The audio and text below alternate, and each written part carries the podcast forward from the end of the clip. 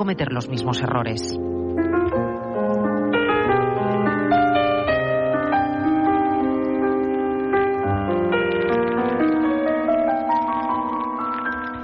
Son ya las 7 y 20 minutos de la mañana, las 6 y 20 en Canarias.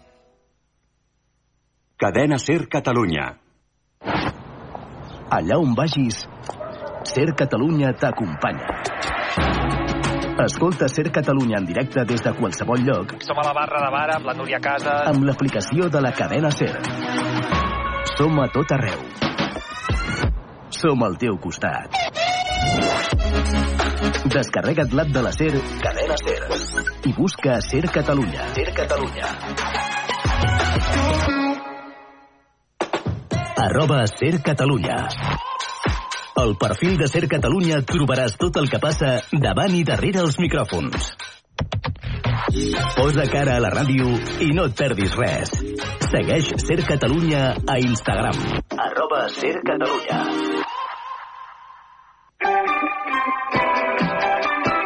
Ser Catalunya.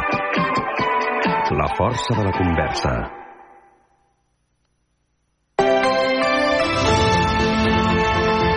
Hoy por hoy Catalunya.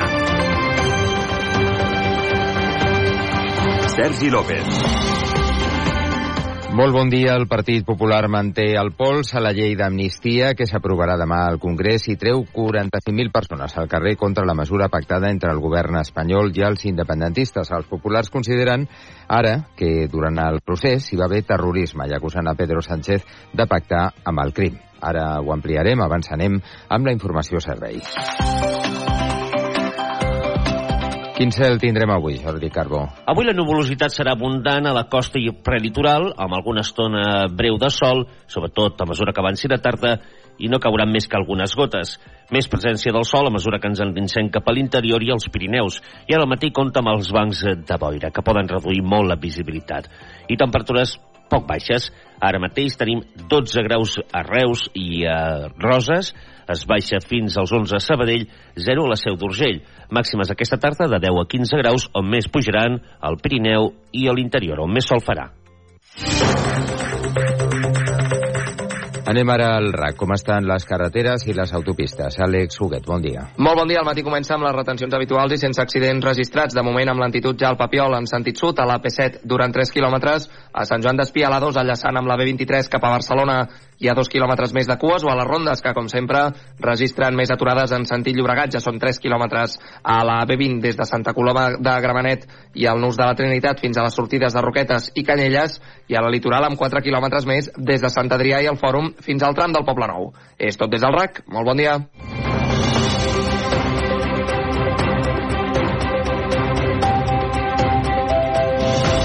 Carles Couso, bon dia. Hola, Sergi, bon dia. El Partit Popular es mobilitza 48 hores de l'aprovació de la llei d'amnistia. Sí, 45.000 persones es van manifestar ahir a la plaça d'Espanya de Madrid. No a l'amnistia! No a l'amnistia! No a l'amnistia! La protesta convocada pel Partit Popular va reunir els principals dirigents de la formació encapçalats per Alberto Núñez Fejo. Que España no se va a dejar engañar y que España no se vende. España no se vende y menos en nombre de aquellos que no les interesa España. Els populars han acusat el govern espanyol de pretendre deixar sense resposta penal el que han qualificat, atenció, eh, de terrorisme independentista. I mentrestant el líder del PSC, Salvador Illa, creu que la llei d'amnistia no quedarà embarrancada als tribunals. Illa diu que hi ha mecanismes per assegurar que els jutges apliquin la norma que demà està previst que validi el Congrés dels Diputats. Soc un ferm defensor de la separació de poders, les lleis en una democràcia consolidada com és la democràcia espanyola les ha de fer el Parlament el Congrés dels Diputats si els diputats la voten doncs eh, no tinc cap dubte que el Poder Judicial que va d'aplicar i hem de respectar que va apliqui ha de complir aquesta llei i si no, doncs hi ha mecanismes per assegurar-ho. Són declaracions al digital al nacional. La presidenta de Junts per Catalunya, de la seva banda, Laura Borràs, diu que el text que demà es votarà al Congrés dels Diputats encara es pot millorar. Sí, Borràs apunta que encara s'hi poden incorporar esmenes i que el seu partit ho intentarà fins a l'últim moment. Efectivament, fins al temps de descompte, fins a dimarts, les esmenes que estan vives, Junts per Catalunya treballarà per defensar-les, per incorporar-les a la llei. Uh, Borràs creu que la llei és més imprescindible que mai després de les últimes informacions aparegudes sobre l'operació Catalunya i l'espionatge a personalitats independentistes.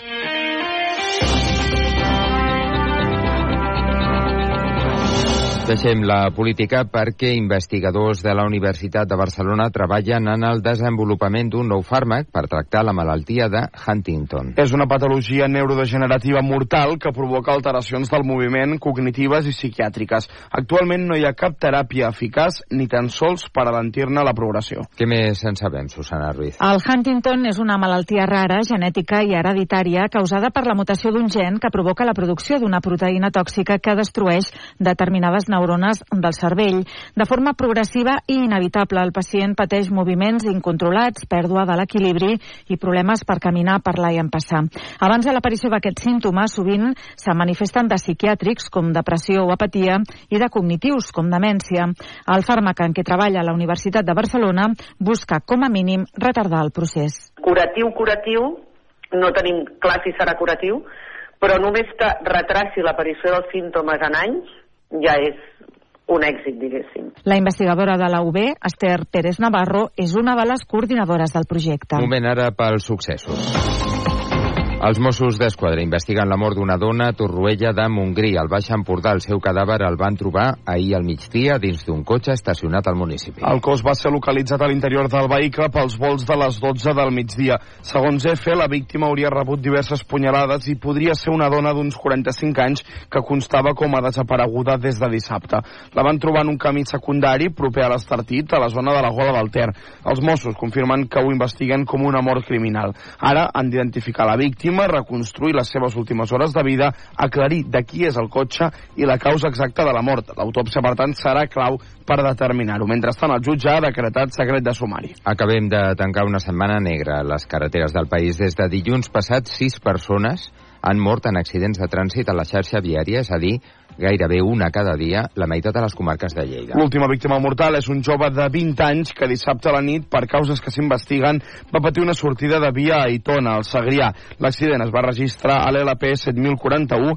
El conductor era veí de Serós. Tres de les víctimes mortals registrades aquesta setmana passada eren motoristes. Mentrestant, a Girona ciutat... Un home i una dona van ser atropellats ahir per un cotxe a la plaça Europa. Van ser evacuats a l'Hospital Josep Trueta, la dona amb ferides de gravetat. I a Caldes de Montbui, al Vallès Oriental. Un ciclista i un motorista van xocar ahir en un camí de muntanya a la vaga del, Far del Farell. El ciclista, amb ferides de poca gravetat, va ser traslladat amb helicòpter a l'Hospital Vall d'Hebron. Hoy por hoy Catalunya. I ara, quan són les 7 i 27 minuts del matí, parlem del català. La gent en la classe parla en català i eh, vull ai, parlar amb, amb like, mis amics de la carrera. Viuré aquí almenys eh, tres anys més i m'agradaria participar més en la vida local, en la vida quotidiana. Per les meves classes sí, per parlar-lo a classe. Són l'Uller, el Carlos i la Paula, tres dels props de 600 estudiants que es van matricular el passat trimestre en algun dels cursos de català que ofereix la Universitat Pompeu Fabra als alumnes i també als professors procedents d'altres territoris. Una oferta formativa, Soledad Domínguez, que en els darrers tres cursos ha triplicat les xifres d'alumnes. La directora del Servei d'Idiomes de la Universitat Pompeu Fabra, Maria Naranjo, considera que la posada en marxa el curs passat d'un programa MOOC, online i obert, pensat perquè els estudiants internacionals tinguin un primer contacte amb la llengua abans d'aterrar a Catalunya és un dels motius que ha fet disparar la demanda d'aquests cursos. Si vas a Anglaterra i parles anglès, no? doncs bé, la gent bueno, ho dona per descomptat. Però quan una madrilenya o una persona de fora parla català, Uh, diguem-ne que, que és molt valorat. 7 de cada 10 estudiants dels cursos de català de la Pompeu són persones procedents d'altres comunitats autònomes o d'altres països. L'altre 30% inclou també alumnes d'aquí que es matriculen per millorar la seva titulació en català. Anem ara amb els esports. El Girona s'imposa per 0 a 1 al Celta de Vigo i cada cop és més a prop del somni europeu. Nil Solà. El Girona va aconseguir ahir a Vigo una victòria importantíssima de cara a les seves aspiracions de jugar a Europa. Els de Mitchell van guanyar per 0 a 1 al Celta de Vigo amb un gol de Porto al minut 20 de la primera meitat.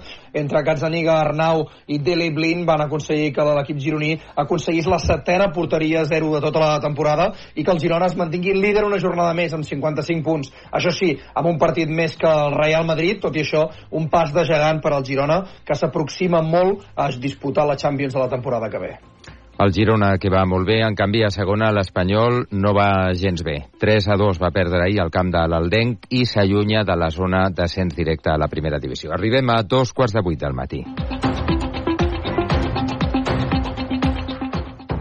Son las siete y media, las seis y media en Canarias. Hoy por hoy, con Ángeles Barceló. Había recibido antes un tartazo y ayer fueron botes de sopa. El cuadro más famoso del mundo, o uno de ellos, la Gioconda, de Leonardo da Vinci, sufrió otro ataque ayer en el Museo del Louvre de París. Su cuadro está protegido por una gran mampara de cristal antibalas que evita este tipo de agresiones directamente, aunque no es la primera, como dices, y aunque esta manera de protestar pues ponga en duda si esta es la forma de conseguir lo que estos colectivos pretenden. Ayer fueron, en todo caso, dos denominadas activistas climáticas las que quisieron llamar la atención intentando atacar el cuadro de la Mona Lisa. Y es uno de los sonidos con los que empieza la semana que en lo deportivo tiene al Girona sin nadie que le tosa en la Liga de Fútbol, seguido por el Madrid en la tabla. Al que no tiene desde luego es al Barça, que ya es cuarto. El Atlético de Madrid se pone tercero después de ganar al Valencia. En el Barcelona... Xavi em va comunicar que a final de temporada marxaria. La presión pasa ahora a Joan Laporta, que dice que acepta la renuncia de Xavi a final de temporada porque es Xavi quien se lo propone.